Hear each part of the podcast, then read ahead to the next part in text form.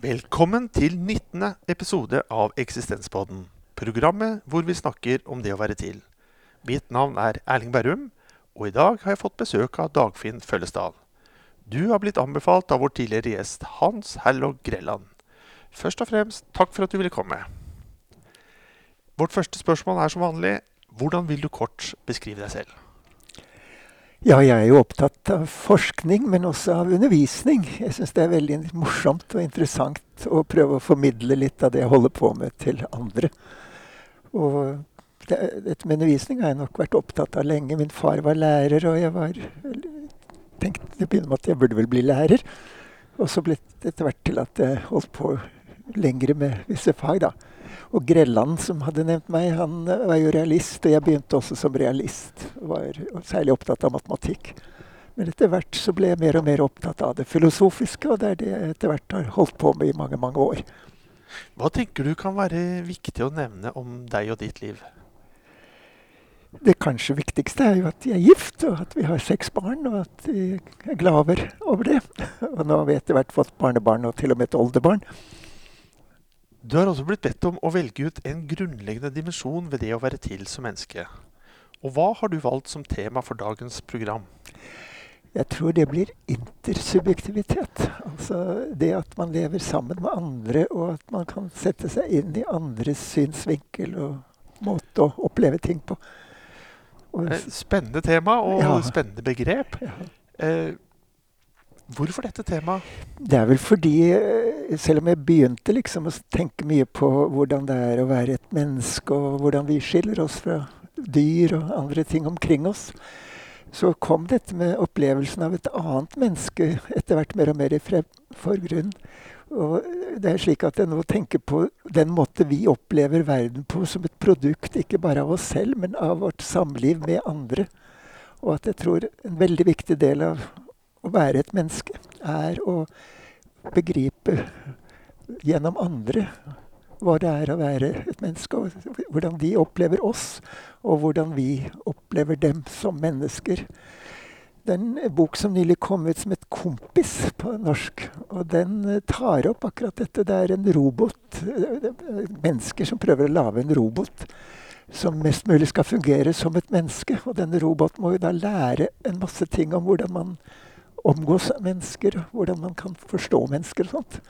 Og det er vanskelig å si at dette er å forstå, men iallfall er det en hel del ting denne roboten legger merke til, som den så prøver å bli uh, instruert i. Og det er dette med hva som inngår i det å møte et annet menneske, og dermed oppleve veldig mye av seg selv, som noe man kan oppdage ofte ved å møte andre er, eh, så intersubjektivitet er blitt stående for meg som er veldig sentralt ved dette å være et menneske. Vil du si at vi i dag eh, kanskje er litt for subjektive og kanskje litt for lite intersubjektive? Ja, jeg tror absolutt det. Det er veldig mye popkultur og ja, aviser og alt man omgis av, som tar veldig mye sikte på hva er det du opplever, og hvordan er det å være deg, og får du utviklet deg, og får du gjort det du har lyst til. Og det er et veldig uheldig utgangspunkt. Man skulle heller spørre hvordan er det å være den andre, og hva kan jeg gjøre for at den andre skal ha det godt, osv. Så, videre. så det er nok altfor mye selvsentrering i mye av vår kultur. Hva tror du det skyldes, at vi er så selvsentrert? Det er vel noe som kommer nokså naturlig. At man uh, vokser opp og tenker på hvordan man har det, og det er mål man setter seg, og man prøver å gjøre noe med det. Og er vel ikke alltid opptatt nok av hvordan dette innvirker på andre.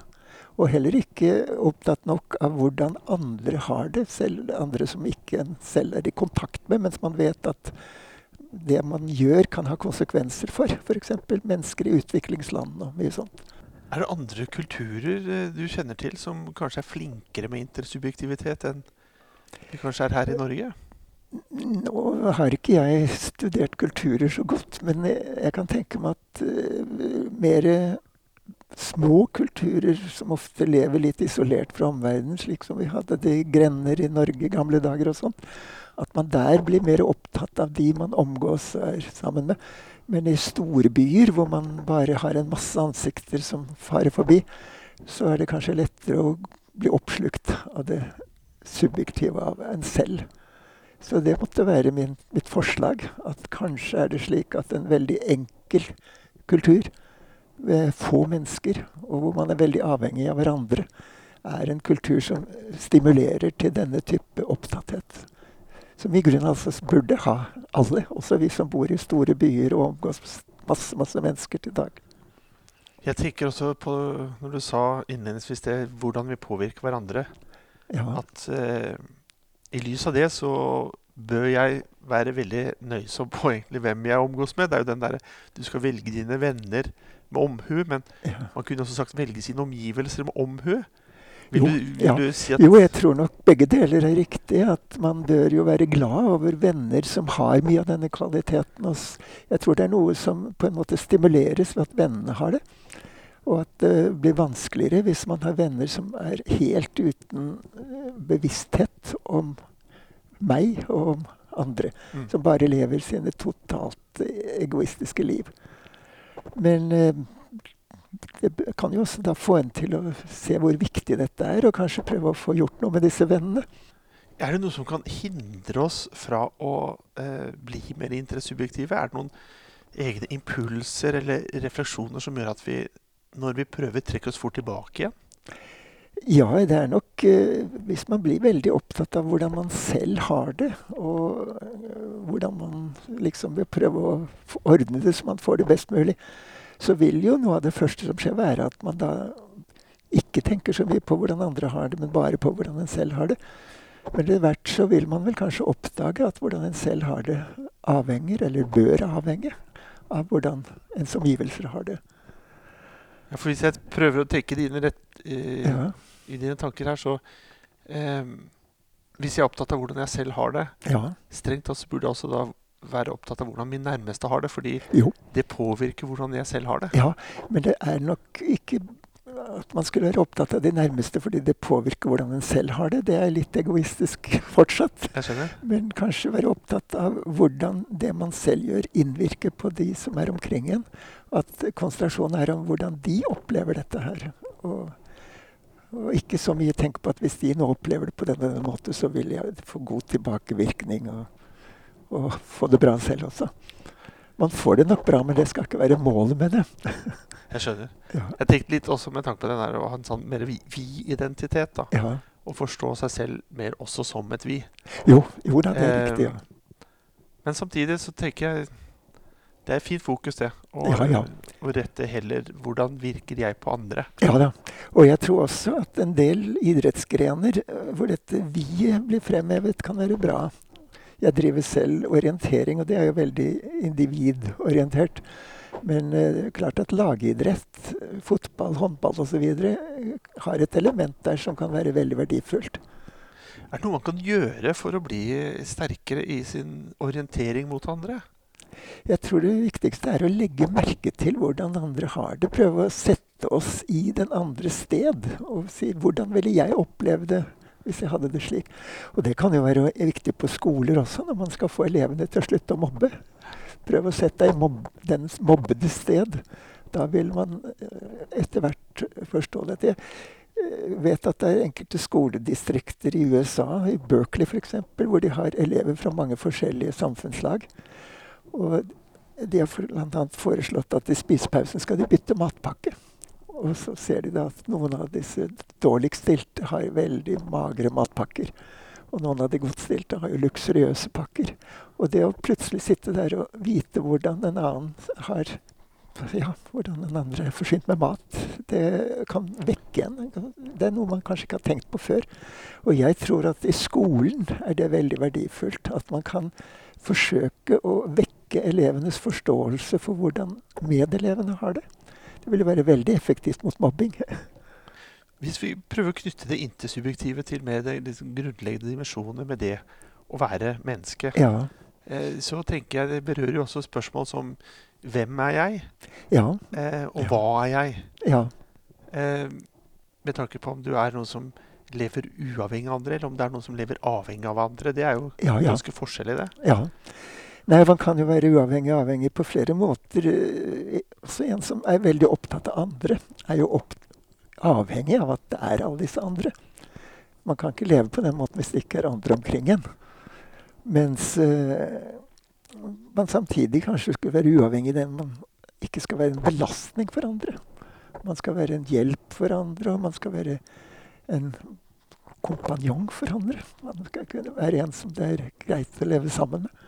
Kan man bli for opptatt av andre? Jeg mener også observere noen som eh, lever gjennom andre, og som eh, kanskje gjør for mye ut av andre og for lite ut av seg selv? Ja, det er nok en viss fare. Jeg tror ikke den er en stor fare i verden i dag. Nei. Men det er klart at er man utelukkende opptatt av den, andre, den andres behov og, sånn, og helt glemmer sin egen situasjon, så kan man også komme i en situasjon hvor den andre føler at det er virkelig leit hvordan en selv har det prøve å uh, føle en plikt til å prøve å hjelpe deg til å bli mer selvstendig og være deg selv. Når man skal tenke over og reflektere over hvordan en selv påvirker andre, ja. eh, hva er det du tror vi har vanskeligst for å se hos oss selv når det gjelder vår påvirkning av andre? Ja, det er vel ofte det som man ikke er klar over at påvirker andre. At uh, det kan være ting hos en selv som man aldri har reflektert over, men som man plutselig oppdager at kan være veldig viktig for dem man er sammen med. Og ikke bare for dem man er sammen med, men også for folk som er fjernt fra oss, men som indirekte påvirkes av oss. Veldig mye av miljøkrisen er jo det. Når vi f.eks. Uh, eh, sløser masse med energi og ødelegger atmosfæren, så vil jo dette ha konsekvenser for folk i Bangladesh f.eks., hvor hvis havet stiger én meter, så vil det bli 80 millioner som er hjemløse. Og så nekter vi kanskje å ta imot dem, for vi liker best å ha det som vi har det. Hvis jeg forstår det rett da, så intersubjektivitet handler ikke nødvendigvis bare om de nære. Det handler om oss, de, vårt forhold her fra Oslo til Bangladesh. Ja. Ja da, det er begge deler. Det er viktig å ikke bare samles om det ene. Eh, ikke bare samles om de som er nær, og gi blaffen i hvordan dette innvirker på andre. Vi har jo en del av det i Norge. Vi har et, et eh, godt, fint samfunn og kan streve for at det skal bli enda bedre for alle omkring oss, uten å tenke nok på hvordan dette påvirker andre. Og på den annen side så kan man gi penger til arbeid i utviklingsland og sånt, men være forferdelig vanskelig for ens nærmeste omgivelser. Eh, jeg mener å huske å ha lest eh, at eh, Heidegger han er opptatt av stemninger som et jo. Eksistensielt fenomen. Men jeg tenker stemningen må da i høyeste grad være intersubjektiv, tenkte jeg.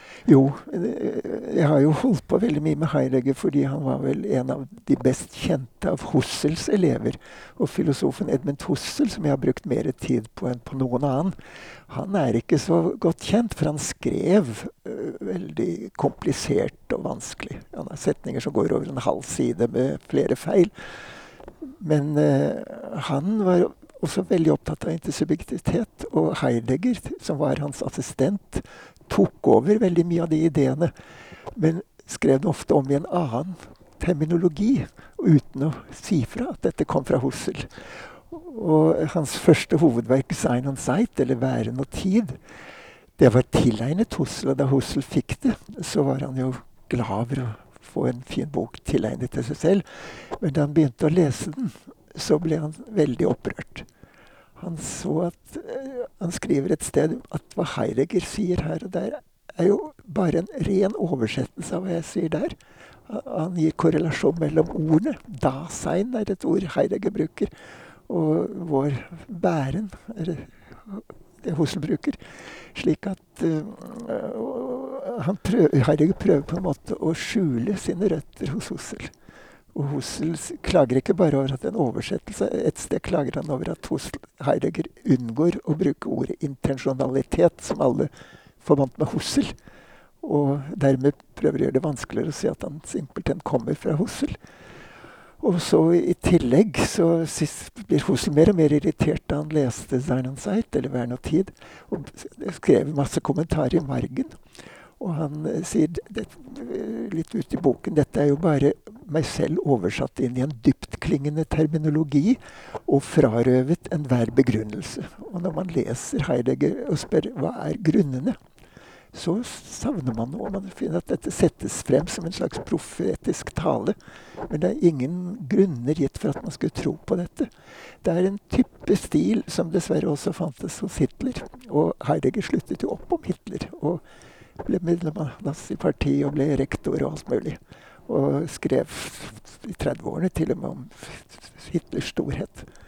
Så jeg tar i grunnen veldig skarpt avstand fra Heidegger og også fra hans livsførsel og hans måte å behandle andre på. Og sier gå til Hussel, der får man det på en nøktern og fin måte og med god begrunnelse. Problemet er bare at han er vanskelig og tunglest. Da har du i hvert fall vervet en ny Husserl-leser hos meg, da. Ja. Eh, jeg visste ikke om dette, men syns Ja. det er kjempeinteressant å, å få vite om det. ja da. Ehm, og i forhold til, ja, han kanskje kan skrive litt vanskeligere, men da kan man bruke litt eh, mer tid på det. Ja, Ja Og heller grunne seg frem eh, så lenge på at det innholdet er godt, og som Ja du sier, begrunnet. ja. Men hvis vi da går inn på stemninger hos Husserl, da. Ehm, hva tenker han om det knyttet til intersubjektivitet? Ja, det er jo For ham er jo da intersubjektivitet et av de viktigste temaene. Og eh, han skrev ca. 6000 sider om intersubjektivitet. Men det er bare en del av de 40 000 sidene han skrev i sitt liv. Og jeg sa at han er veldig vanskelig å lese fordi hans tysk blir komplisert og sånt. Heidegger har enklere setninger, men de er mer formet slik som man former reklame og politiske taler og sånt. Det er veldig appell til noe følelsesliv og sånt, men ikke så veldig mye til vårt intellekt. og vi har ofte hatt forelesningsserier om bruk av språk. Og jeg foreleste f.eks. For en gang om Heideggers om eh, Hitlers Mein Kampf. Og eh, så på den i lys av hva vi vet om propaganda og reklame. Og det er veldig nær forbindelse mellom de teknikker som brukes i propaganda og reklame, og Mein Kampf. Og det samme finner man hos, hos uh, Trump nå. Det er, det er en teknikk som lett kommer frem i politikk, og som gjør at man ikke går inn på begrunnelser, ikke går inn på noen detaljanalyse av hvordan situasjonen er, men bruker ord og uttrykk og fremgangsmåter som man vet fra empiriske studier har en virkning. Og de som da ikke reflekterer over dette og spør hvorfor er det slik, og stemmer det han sier, de vil da lett bli tatt inn av disse fine ordene. Og Trump har jo for øyeblikket 48% oppslutning i USA. Og jeg er redd for at han vil bli gjenvalgt. Men dette er en stil som jeg er forferdelig sterkt imot.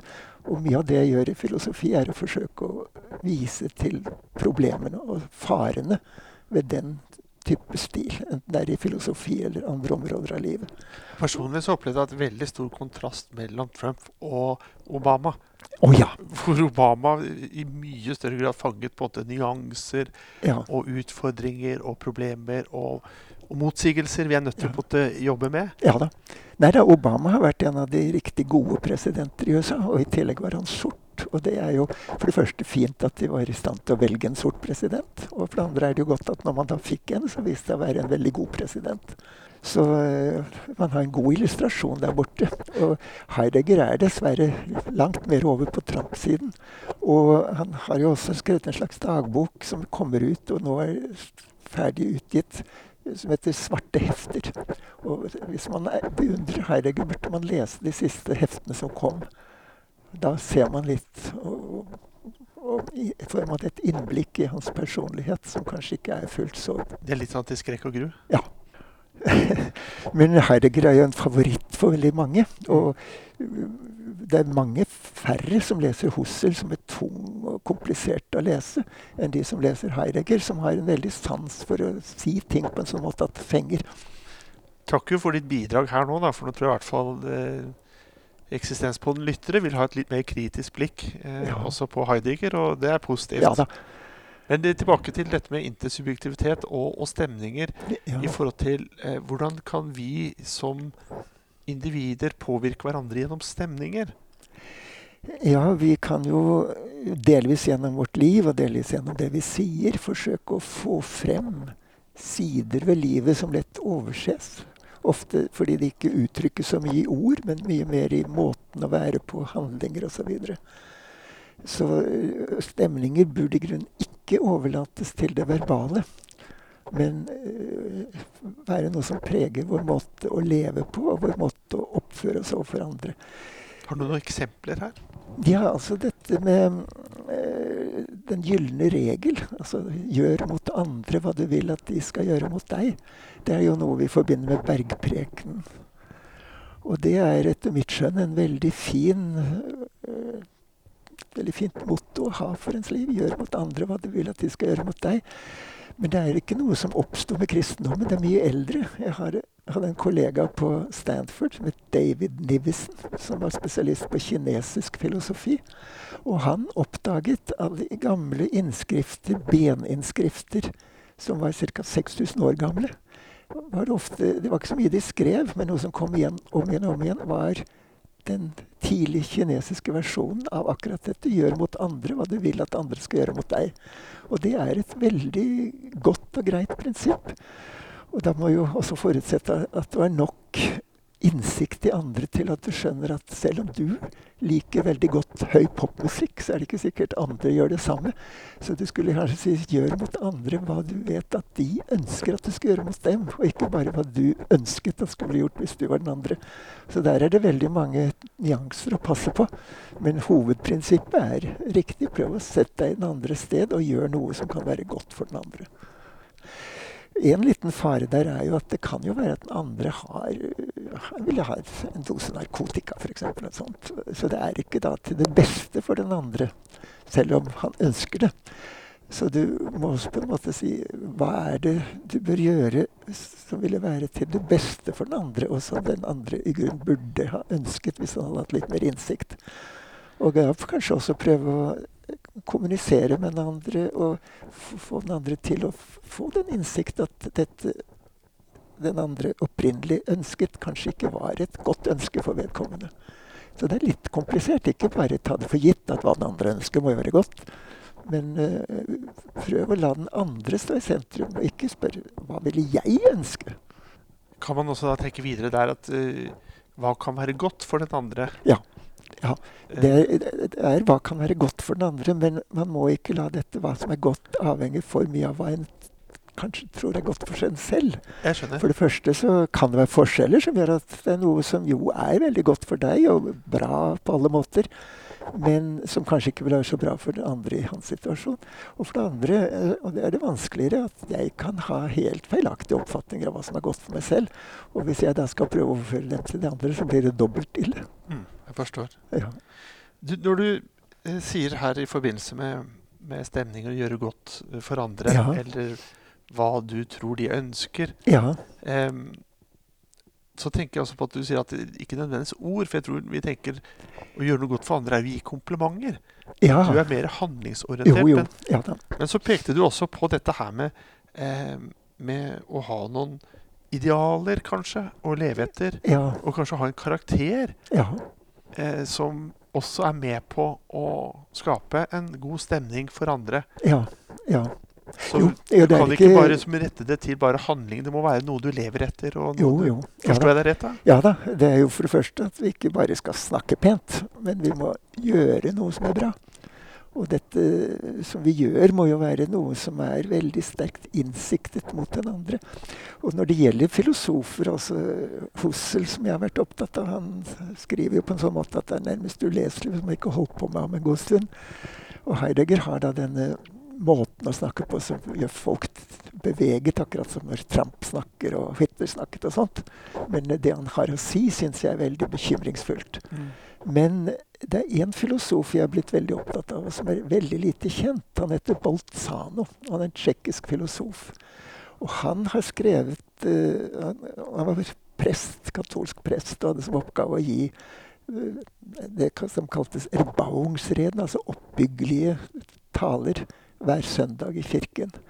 Og der tok han opp veldig mye av dette med hvordan det vi gjør, innvirker på andre, hvordan samfunnet bør, bør være innrettet på en slik måte at vi F.eks. når det gjelder å ha jord, at jord bør tillate den som pløyer jorden, og ikke en rikmann som sitter inne i byen. Så dette var jo revolusjonerende sosialt. Han ble jo født i 1781 og døde i 1880. 48, slik at dette var langt tidligere enn veldig mange andre som hadde lignende tanker senere. Men eh, det, opp, det ble sett på som opprørsk av myndighetene i Wien. Det var Metternich og disse som hadde makt. Og studentene flokket til disse søndagsforelesningene hans. Så det, og det kom igjen stadig. Det er nå 30 bind av disse eh, som er kommet ut. Og de ble så bekymret for hva som kunne skje, at det kunne bli en studentrevolusjon, at han ble simpelthen avsatt og fikk ikke lov til å snakke og publisere mer. Men han skrev en del ting da, som er blitt bevart, og som vi nå kan lese. Og det er et arkiv i Salzburg som utgir dette på en veldig fin måte. Og han er Hvis jeg skulle tilbringe mitt liv på en øde øy sammen med en annen filosof, så ville jeg valgt ham. Han, men han, han, var ikke, han, var helt ukjent i England da jeg begynte, eller på engelsk da jeg begynte å forelese over ham. Det var i 1961. Så da måtte jeg få oversatt en del av disse tyske tekstene til engelsk. Han var ikke engang nevnt i Encyclopedia Britannica. Men jeg ser på ham som en av de aller beste filosofer som har levd, og som menneske helt uovertruffen. Så altså hvis jeg skulle velge en filosof å tilbringe livet med på en øde øy, så ville det blitt han. Så du vil si at han hadde et genuint engasjement? Ja. Brydde seg genuint om andre? Ja. Veldig opptatt av andre. Og veldig klar over hva som var godt for de andre, og hva han kunne gjøre for å hjelpe dem. Og sånt. Og eh, også, eh, også en forkynnelse av hvordan samfunnet blir innrettes for at dette skal skje.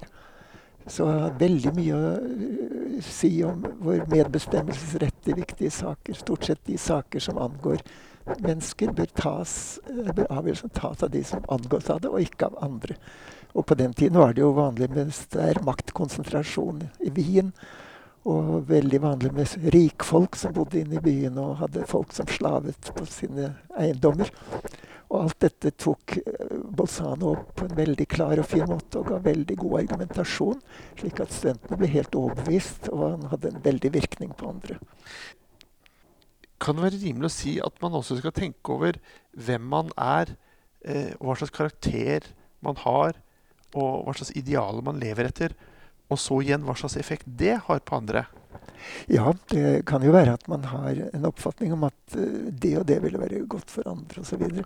Men ved å tenke over hvordan en selv lever og oppfører seg overfor andre, så ser man at her har man jo en del svikt. Man lever slett ikke selv slik som man mener man burde leve. Og det er ofte man ikke har selvinnsikt til å se hvordan ens måte å være på kan affisere andre ganske sterkt. Så det kan jo også være bra å ha venner som er åpne og hjelper til. for det er ofte veldig vanskelig å vite hvordan en selv oppfattes av andre. Hvordan skal man få vite Skal man spørre om det direkte til omgivelsene? Man kan jo spørre, særlig hvis det er gode venner, så kan man jo spørre. Men uh, man kan også la det å være en venn innebære også at man prøver å gi den andre et riktigere selvbilde. For snakke litt om hvordan den andres oppførsel innvirker på en selv. Og det er ikke alle som tenker over at selv om jeg har veldig høye idealer og ønsker å gjøre godt, så er faktisk visse ting jeg gjør, eh, til skade for andre. At de oppleves uheldig av andre osv. Hvis du ser tilbake på ditt liv som, eh, som når du var mye yngre ja. enn i dag. Var du forskjellig når det gjaldt intersubjektivitet eh, da i forhold til selverkjennelse? Jo, jeg tror nok jeg er blitt mer opptatt av det. Og det er klart at det eh, at man gifter seg f.eks. gjør jo at det er et annet menneske som kommer inn i ens liv. Og da blir dette eh, veldig mye viktigere enn det er når man er ganske ung og lever der alene. Det kan godt være at dette med denne opptattheten av andre og hvordan de opplever det, er noe som begynner å oppstå når man begynner å få gode venner og tenker på hvordan man skal oppføre seg overfor disse vennene for at det skal være godt for dem. Ja, apropos da venner og intersubjektivitet, så ja. er det sånn at uh, venner kommer og går, og bekjente kommer og går, men ja. da mister man noen venner. Kan det være fordi man da kanskje ikke er eh, godt nok våken, oppmerksom på sine nærmeste? Ja, altså et vennskap går ikke alltid så veldig dypt. Man kan bli venn fordi man tilfeldigvis er sammen om en oppgave, f.eks. Jobber på samme kontor og hjelper hverandre. Og når da eh, situasjon forandres, en får en annen jobb og sånt, så er det ikke alltid at dette vennskapet vedvarer. Det er mer et sånt arbeidsfellesskap. Men det kan jo også være at det er oppstått et vennskap som vedvarer, og som da gjør at man gjerne ser hverandre og gjerne får snakket sammen og har, fortsetter å ha kontakt med hverandre. Og jeg tror at uh, mer stabile samfunn som man har i, har i Norge mange steder, er gunstig for den type dype vennskap til å utvikle seg. Mens i USA, hvor vi har vært mye, der er det jo gjennomsnitts levetid på ett år er ca. elleve år. Det var noe jeg leste. Altså, hvis jeg ser på befolkningen som helhet, så vil de ha flyttet uh, minst gjennomsnittlig elleve. Og det er noe som da ødelegger litt forholdene for sånne gode, langvarige vennskap. man har når man Men er det et godt vennskap, så vil man jo prøve å overvinne den avstanden og beholde kontakten på tross av den. Og oppsøke hverandre og ha god kontakt. Så det er ønske om å fortsette kontakten. Og jeg tror at dette, det er noe livsvarig i et godt forhold. Så derfor, hvis man har forhold som er korte og skifter, så bør man være på vakt. Det er kanskje noe helt galt i ens forhold til andre mennesker. Vil du si at et godt forhold også kan kjennetegnes av en god intersubjektivitet? Ja, jeg tror at et godt forhold vil være sterkt preget av god intersubjektivitet, og også stimulere til stadig bedre intersubjektivitet. Og at hvis man har mange kortvarige forhold, så bør man stoppe opp og tenke det er kanskje noe helt galt med min evne til intersubjektivitet. Jeg har ikke satt meg ordentlig inn i hvordan dette forholdet oppleves av den andre. Så i et godt forhold så har man nok et mye fullere bilde av den annen som full person, enn bare som en som man tilfeldigvis gjør visse ting sammen med. Nå er vi på slutten av programmet, og da pleier jeg alltid å spørre om eh, noen tips. Ja. Og da må det jo i dag handle om intersubjektivitet. Og ja. eh, hva kan de lytterne som hører på, gjøre for å bli enda bedre på sin intersubjektivitet? Ja. For det første så har vi jo da de mennesker vi omgås. og Stoppe opp og tenke ofte på hvordan vil det gjøre noe nå innvirke på den andre. Og særlig hvis det er en viktig avgjørelse. Hvordan vil dette innvirke på den andre? Det er jo første ting. Men man kan også hjelpes litt av f.eks. å oppleve god kunst, eller uh, lese god litteratur. Det er veldig mye fin litteratur som får frem en sånn dyp intersubjektivitet. Og um, så har man da denne problematikken som jeg nevnte veldig tidlig, om uh, hva som skiller en robot fra et menneske. Og som da jeg syns ble ganske morsomt illustrert i denne nye boken da. Eh, kompis. Ja. Så du anbefaler å, å lese den? Jeg vil anbefale den, ja. ja. Og så kan man jo lure på, stille seg kanskje spørsmålet om man er bedre enn roboten? Man burde jo bli mye bedre. og det kan godt, Jeg syns robotstudier kan være interessante, fordi de får frem hva det er ved mennesker som roboter enda ikke har klart å få tak på. Ja. ja. da takker jeg for eh, samtalen. Ja. Det Takk, var hyggelig for meg også til å snakke om disse tingene. Takk også til deg som lytter for å ha fulgt oss den halvtimen. Vi høres igjen, og inntil da, ha det bedre enn bra.